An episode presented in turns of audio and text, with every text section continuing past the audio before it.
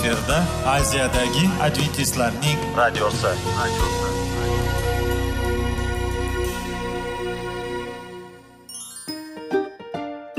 Assalomu alaykum aziz radio tinglovchilar. Sog'liq daqiqasi rubrikasiga xush kelibsiz. Zero tananing sog'lom bo'lishi va uning kasalliklardan saqlash har bir insonning burchi hisoblanadi. Inson uchun bebaho boylik bu sog'liq salomatlikdir. Uni asrash esa har birimizga omonat qilib berilgan. Shuning uchun ham inson o'z sog'lig'ini ehtiyot qilishi voajib amallardan hisoblanadi. Dono xalqimiz sog'liq tuman boylik deb bejiz aytmagan. Aql idroq sohibi bo'lgan inson o'z hayotini qadrlashi lozim bo'ladi. Hozirgi kunda qanchalik dori darmonlar ko'paymasin tibbiy muassa sifati shifokorlar vasiyasi tibbiy texnika yaxshilanmasin. Agar insonning o'z salomatligi haqida qayg'urmasa kutilgan natijaga erishib bo'lmaydi va biz sizlarga bizning dasturimizga xush kelibsiz deymiz.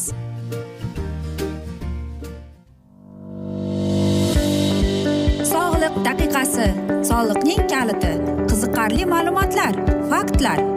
Har kuni siz uchun foydali maslahatlar. Sog'liq daqiqasi rubrikasi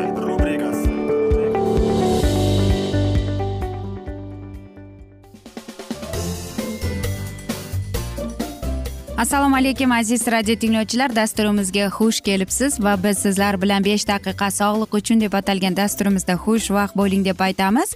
Lekin dasturlarimizni boshlashdan avval sizlarga yodingizga solib o'tmoqchi edik. Agar dasturimiz davomida sizlarda savollar paydo bo'ladigan bo'lsa bizga whatsapp orqali murojaat etsangiz bo'ladi. Bizning whatsapp raqamimiz plyus bir uch yuz bir yetti yuz oltmish oltmish yetmish va bugungi bizning dasturimizning mavzusi ichaklar uchun deb ataladi. Albatta ichak bizga albatta organizmimizda kerakli organlardan biri hisoblanadi. Lekin qanday qilib u haqida qayg'urishimiz kerak g'amxo'rlik ko'rsatishimiz kerak? Ko'proq suv iching chunki aynan ana shu organizm suvga eng ko'p muhtoj bo'lar ekan. Albatta ko'proq e, mana shu sabzavot mevalarni iste'mol qiling. Chunki deyapti aynan mana shu ichakda bo'lgan infeksiyalar ich ketishiga olib keladi deydi. Shuning uchun probiotiklar bu aytaylikki tuzlangan karamda bo'ladi va yogurtda bo'ladi. Hech qachon aytaylikki ichagingizni ishlashga yomon qo'yadigan mahsulotlarni iste'mol e, qiling deymiz. Masalan oq shakar oq un yoki kletchatkasi oz bo'lgan yoki pirojniylarni umuman chiqarib tashlang deymiz. Yoki agar unda iloji bo'lmasa demak uni ularni kamroq iste'mol qilishga harakat qiling deymiz. Xo'sh yana bir uchta to'rtta mahsulot bor ularni iste'mol qilmaslikka harakat qilishingiz kerak. Ovqat iste'mol qilayotganingizda kichkina kichkina porsiyalar bilan iste'mol qilib va albatta yaxshilab chaynab iste'mol qilishingiz kerak. Aytaylikki siz bir o'tirishda uchta to'rtta har xil taomnomalarni iste'mol qilishga harakat qilmang chunki oshqozoningizga ichaklaringizga og'irlik tushadi. Va albatta mana shunday sabzavotlarni iste'mol qilmangki qorin dam bo'lishiga olib keladiganlarga. Aytaylikki siz ovqat iste'mol qilmoqchi bo'lsangiz ya'ni aytaylik qizil loviyadan ovqat iste'mol qilmoqchi bo'lsangiz avval uni qaynatishdan siz qaynoq suvga ularni bo'rttirib keyin iste'mol qilganingiz yaxshidir. Kamroq shirinlik iste'mol qiling va albatta oq nonni ham.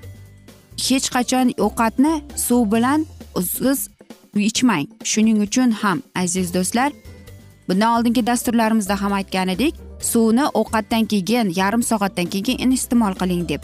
Va albatta siz dori iste'mol qilishingiz kerak bu qora aktivirованный ugl ikki uchta dona har safar va shundagina siz o'zingizdagi bo'lgan ichagingizni yurgizishga va ko'plab infeksiyalarni o'ldirishga yordam berar ekansiz.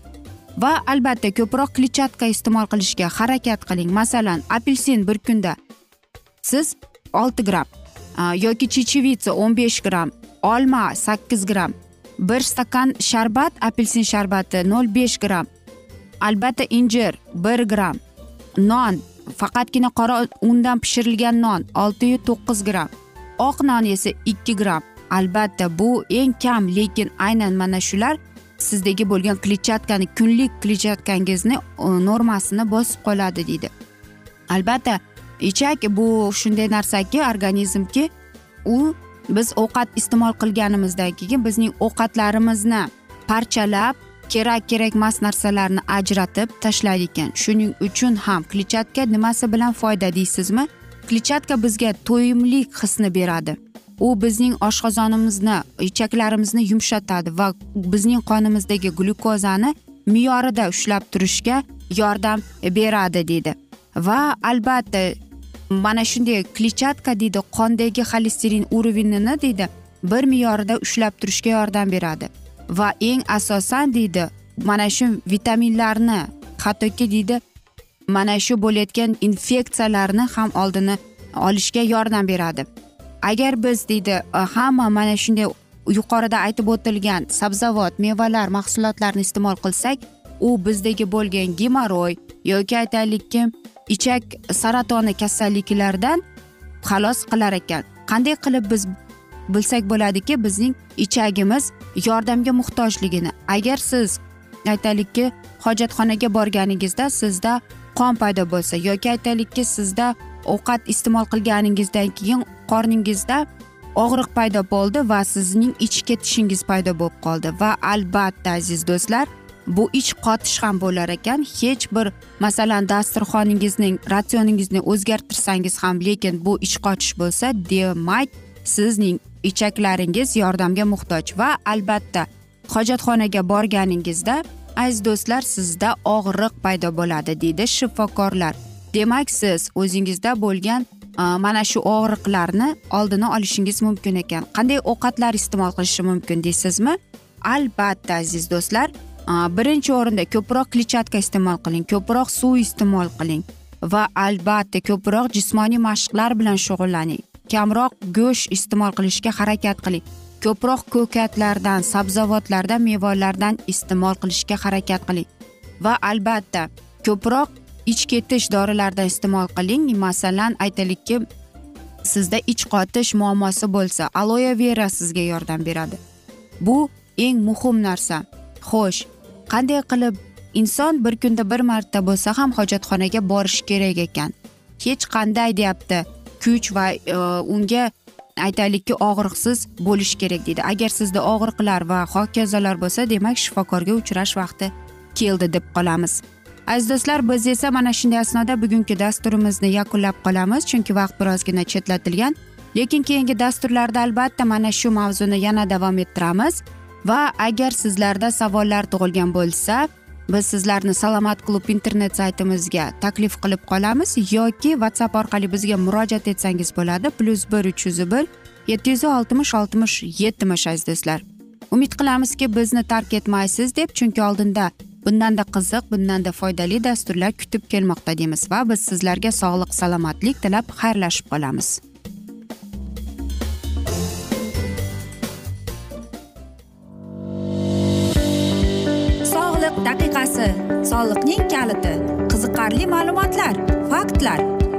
Kuni. Siz uchun foydali maslahatlar. Sog'liq daqiqasi rubrikasi.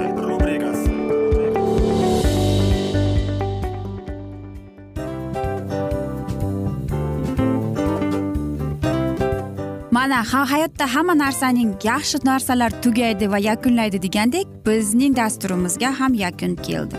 O'ylaymanki bizning dasturimiz sizga foydali bo'ldi deb aziz radio tinglovchimiz. Va siz o'zingiz uchun kerakli xulosalar kerakli maslahatlar olib oldingiz. Aziz radio tinglovchimiz biz bilan qoling va keyingi dasturlarimiz albatta undanda qiziqroq bo'ladi. Mana shu alfozda sizlar bilan xayrlashib qolaman.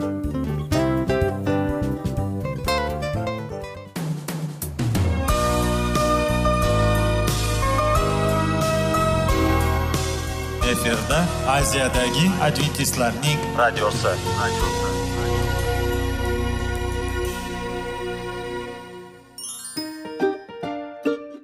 Assalomu alaykum aziz radio tinglovchilarimiz.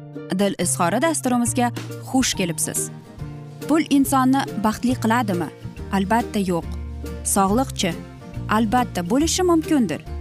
Lekin olimlar shuni isbotlashdiki to'liq va mukammal munosabatlar insonlarni baxtli qilar ekan.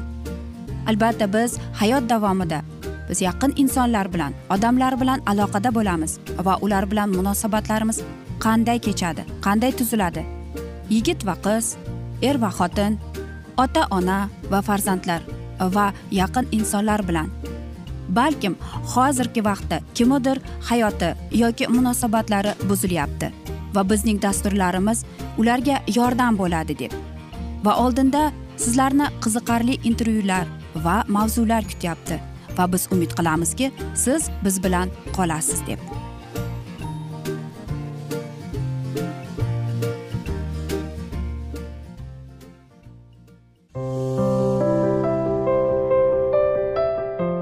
Kuni har xil kasbdagi odamlar bilan sirlashish va bo'lishish sevgi rashq munosabat bularni hammasi dil izhori rubrikasida.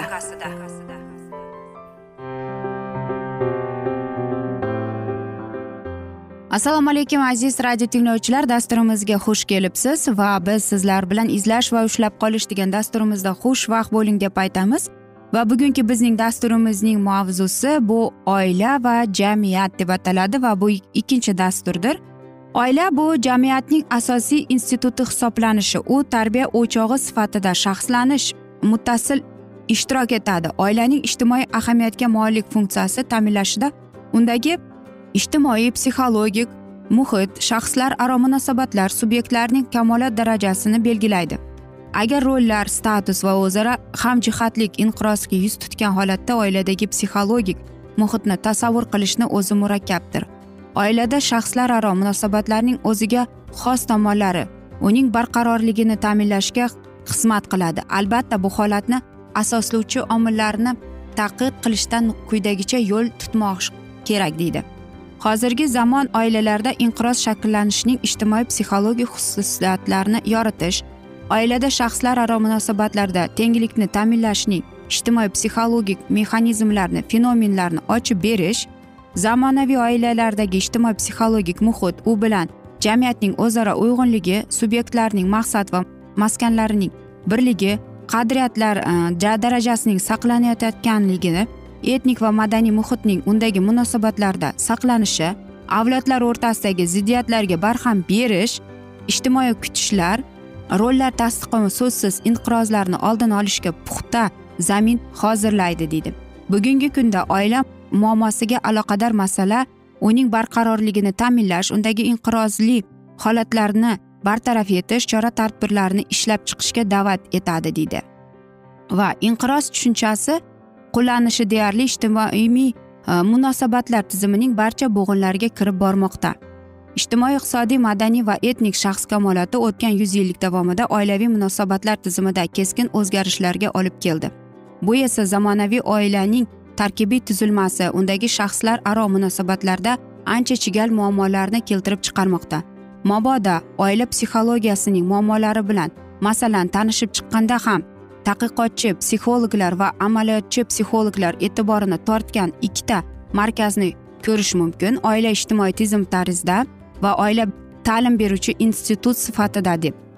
Boshqacha aytganda har holda hozirgi paytda oila muammolari bilan shug'ullanadigan psixologlar asosan quyidagi ikkita talab ehtiyojga xizmat qilishyapti. Jamiyatning bazaviy unsuriy e, bo'lgan oila saqlab qolinishi ta'minlash va oilaning jamiyat madaniyatini insonlarning bir avlodidan boshqa avlodga yetkazishini tekshirish shu bilan birga tadqiqotlarda va amaliyotda aynan shu ikkita ehtiyojga urg'u berishi zamonaviy oila o'zining bu ikki eng muhim vazifani bajara olmay qolayotganidan guvohlik bermoqda. Ushbu holni xalqaro miqyosda ko'rish imkoniyati tug'iladigan bo'lsa quyidagicha tasvirlashning o'zi kifoya bo'ladi. Bir qator izlanishlarning ko'rsatishicha xususan rossiyada quyidagi sabablar oilalar notinchligining bevosita bilvosita ko'rsatkichlarini hisoblanadi. Tug'ilishning halokatli ravishda kamayib borayotganligi abortlar soni jihatdan dunyoda eng yuqori ko'rsatkich nikohsiz tug'ilishlarning oshib borayotganligi bolalar va onalar o'limining g'oyat yuqoriligi umrning qisqaligi buzilayotgan oilalar sonining ko'pligi muqobil nikoh va oila turlarining o'zgaruvchanligi onalar oilalari birga yashash er xotin alohida yashashiga asoslangan oilalar o'z jinsdagilar bilan qurilgan oilalar asrandi farzandli oilalar va hokazo. Oilalarda bolalar bilan shafqatsiz munosabatda bo'lish hollarining ko'payishi. Zamonaviy oilani o'rganuvchi mutaxassislar ularning aksariyatining ko'pchiligi hozir oila haqiqiy tanaffuzli boshidan kechirmoqda degan xulosaga kelishyapti. Jamiyat ijtimoiy iqtisodiy taraqqiyotning umumiy o'rtacha darajada yuksalgan kishilarning turmush va moddiy farovonlik darajasi oshgan sari bu tanazzul yanada yorqinroq namoyon bo'lmoqda. Biroq bu o'rinda muhim bir izoh berib o'tish zarurki ijtimoiy iqtisodiy rivojlanish jarayonlarining jaddallanishuvi ayniqsa xususan hozirgi rossiya ham shular jumlasiga kiradigan o'tish davri deb ataluvchi bosqichni boshidan kechirayotgan jamiyatdagi uning yuksak sur'ati butun jamiyatga binobarin uning eng muhim kichik tuzilmasi bo'lgan oilaga barqarorlikni haddan ziyod buzuvchi ta'sir ko'rsatadi. Bunda ta'sir oilaviy muammolar sonining ko'payishini ijtimoiy iqtisodiy taraqqiyotning umumiy darajasini bilan ko'proq umumiy bog'liqlikni har jihatdan niqoblab turadi deydi. Hozirgi oilaning tanazzuli ko'pincha umuman ijtimoiy hayotidagi katta o'zgarishlar taqozosidir. Sotsiologiya va psixologiya oralig'ida olib borilayotgan tadqiqotlar insonning oila bilan va jamiyat bilan ijtimoiy aloqalari tizimidagi o'zaro munosabatlarni tubdan o'zgarishi ko'p jihatdan E, jamiyat ijtimoiy guruhiy tuzilishning murakkablashuvi natijasi ekanligini g'oyat ishonchli ravishda ko'rsatib turibdi. Va qarangki ana shunday guruhlardan biri kuyi boshlang'ich yacheykalari bilan deyapti bilan shaxs o'rtasidagi aloqalar zaiflashmoqda. Birinchidan ijtimoiy o'zgarish sur'atlarining keskin o'sishi sababli bu aloqalar barqarorligini muayyanligini qat'iyligini yo'qotib bormoqda deydi inson zamonaviy inson uchun shunday hayot yo'li odatiy tusga kirmoqda. Bu yo'l davomida u ota ona oilasidagi maktabga o'tib so'ngra bir necha bor kasbiy mavqeini va hayotdagi o'rnini o'zgartirgach o'zini jamiyatining muayyan bir yacheykasi bilan to'liq tenglashtira olmay qoladi deydi. Ikkinchidan katta ijtimoiy guruhdagi bu ularning boshlang'ich yacheykalarining o'zining ilgari madaniy jihatdan ajrashishni tark etganlar deydi.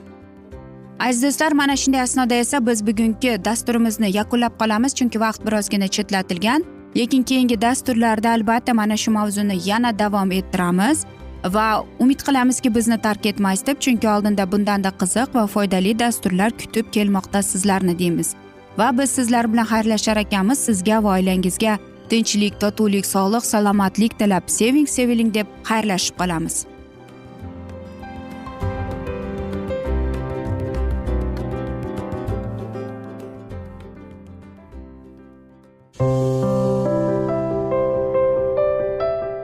Har kuni har xil kasbdagi odamlar bilan sirlashish va bo'lishish sevgi rashq munosabat bularni hammasi dil izhori rubrikasida.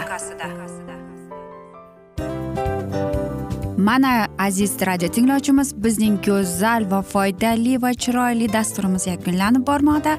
Sizlarga birozgina maslahat berib o'tmoqchi edik. Bir biringizni seving. Qadringizga yeting. Va erkalang albatta bir biringizni va sizga judayam chiroyli va mustahkam munosabatlar tilab qolamiz albatta. Sevgilingiz doimo yoningizda bo'lsin. Mana shu borada sizlar bilan xayrlashib qolamiz. Xayr.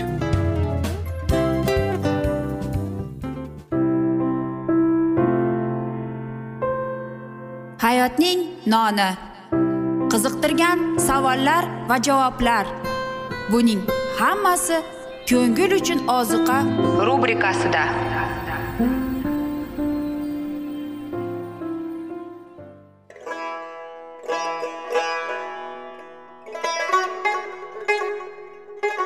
Assalomu alaykum aziz radio tinglovchilarimiz. Ko'ngil uchun oziqa rubrikasida xush kelibsiz deymiz. Siz haqiqatni izlayapsizmi? Olamnimi? Umidnimi? Siz kimga murojaat qilmoqchisiz? Odamlar ko'pincha siyosat kuchiga tayanadilar. Dunyo iqtisodiyoti holati tobora chuqurlashib bormoqda. Tabiiy ofatlar va texnogen halokatlar minglab insonlarning hayotini olib ketib juda katta zarar yetkazmoqda. Sizga abadiy hayot inomini hadya qiluvchi va hayotingizni tubdan o'zgartiruvchi haqiqatni izlab toping. Xudo haqidagi haqiqat uning kalomida mujassamlashgan. Kimki bu haqiqatni butun qalbi bilan izlasa albatta unga yetishadi. Bu sevgi xudoning tarixidir. Hayotingizda yoki sizning yon atrofingizdagi olamda nimalar yuz berishidan qat'iy nazar? Siz ertagi kunga buyuk umid va ishonch hosil qilishingiz mumkin. Hozirda xudo sizga taklif qilayotgan umid ishonchga o'z qalbingizni oching va sizni qiziqtirayotgan mavzularni savollaringizga javoblaringizni topib olasiz deb umid qilamiz. Biz bilan qoling.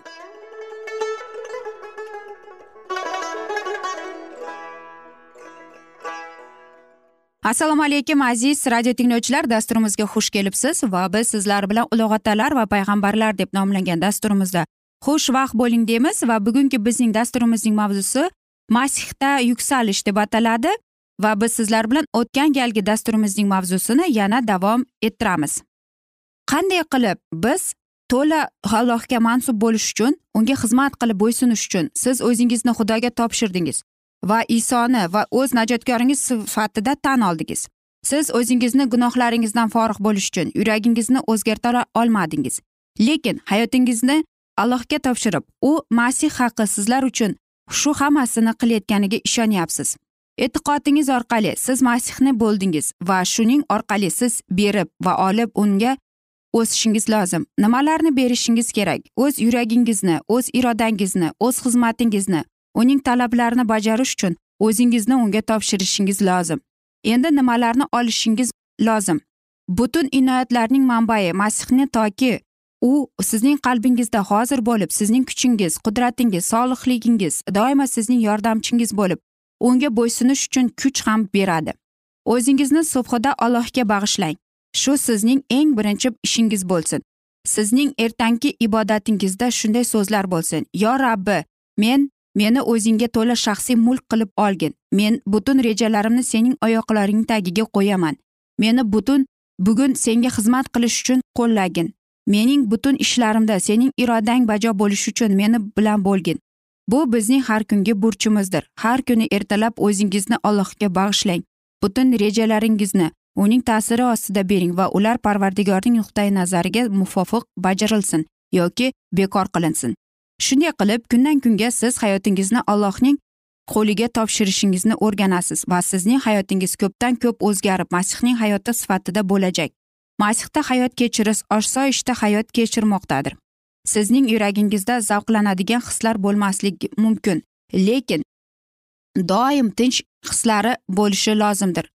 Umidingiz o'zingizda emas masihdadir. Sizning ojizligingiz uning kuchi bilan birlashadi. Sizning bilimsizligingiz uning donoligi bilan sizning kuchsizligingiz uning yengib bo'lmas qudrati bilan. Shuning uchun siz butun e'tiboringizni o'zingizda to'xtatmasdan ongingizda o'zlik fikrlariga yo'l qo'ymasdan balki masihga nazar solishingiz lozim. Butun diqqat e'tiboringizni uning muhabbatida tabiatning go'zalligida va kamolotida jamlang. Masih o'z fidokorligida masih o'z kamtarligida masih o'z pokligida va muqaddasligida masih o'zining cheksiz muhabbatida. Shular bizning jonimiz uchun mulohaza yuritadigan mavzular bo'lsin. Uni sevib uni taqlid qilib unga to'la qaramlikda bo'lib siz uning siymosiga o'xshab borgan sari o'zgarasiz. Menda hozir bo'linglar deydi iso. Bu so'zlar xotirjamlik mutasillik va ishonch fikrlarini ifodalaydi.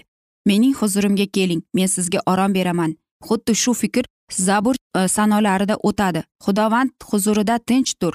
Unga umidvoru muntazir bo'lgin. Ishoyo payg'ambar ham tinchlikda va umidvorlikka sizning quvvatingiz deydi. Shu orom harakatsizlikda emas chunki najotkorimizning tariflida taklifida orom berish va'dasi mehnatga da'vat etish bilan bog'langan. Shunday qilib mening bo'yto'g'rig'imga o'zingizni qo'shing va menda o'rganinglar. Shunday qilib jonlaringiz taskin topar. Hamma narsadan ko'proq masihda taskin topgan yurak uning uchun deb mehnat qilganida tirishqoq va harakatli bo'lajak. Agar bizning aqlimiz shaxsan o'zimizdagina jumlansa u masihdan baquvvatlik va hayot manbaidan yuzini o'giradi. Shuning uchun shayton har doim e'tiborimizni najotkordan chetga olib jonning masih bilan birlashib munosabatda bo'lishiga to'sqinlik qiladi. Dunyoning lazzatlari tashvishlari tushunmovchilik va hayotning e, g'amlari boshqalarning xatolari yoki o'z xatolaringiz va kamolsizligingiz shulardan qay birini yoki hammasinimi u ishlatib ongingizni vasvasaga soladi. Sizlar adashib qoladigan yo'lga chiqishdan o'zingizni saqlang. Allohga o'z umringizni bag'ishlangan va uning uchun xizmat qilib yashaydigan haqiqatdan ham sovdil odamlarni shayton ozdirib o'zlari ularni o'z xatolarida va kamchiliklarida to'xtatib masihdan uzoqlashtiradi. Shunday qilib ularning ustidan u g'alaba qozonishga umid bog'laydi.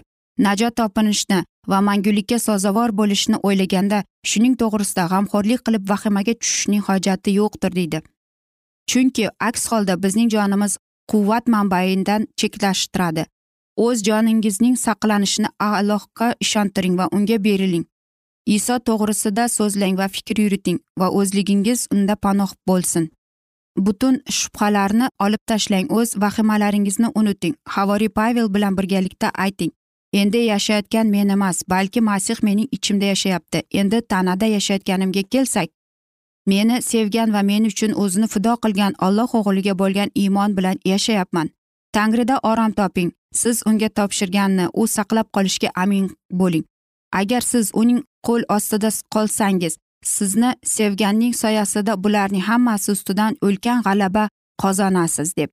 Masih odam vujudi o'ziga olish natijasida u o'zini insoniyat bilan muhabbat zanjirlari bilan bog'laydi. Ularni hech qanday kuch o'za olmaydi faqat odam o'zi xohlab tanlamasa deydi. Shu xohishni ya'ni muhabbatni zanjirlarini uzib masih bilan aloqani buzish uchun shayton har doim har qanday qiziqishlarni keltirib turadi. Shu moddada bu hushyor ko'rishda va ibodatda har doim bo'lib vasvasalarga yo'l qo'ymaslik va boshqa taqsirning ixtiyorini tanlamaylik deyiladi. Aziz do'stlar mana shunday asnoda biz bugungi dasturimizni yakunlab qolamiz chunki vaqt birozgina chetlatilgan. Lekin keyingi dasturlarda albatta mana shu mavzuni yana o'qib eshittiramiz va agar sizlarda savollar tug'ilgan bo'lsa bizga whatsapp orqali murojaat etsangiz bo'ladi. Plyus bir uch yuz bir yetti yuz oltmish oltmish yetmish. Umid qilaman bizni tark etmaysiz deb chunki oldinda bundanda qiziq va foydali dasturlar kutib kelmoqda deymiz. Biz esa sizga va oilangizga tinchlik totuvlik tilab xayrlashib qolamiz.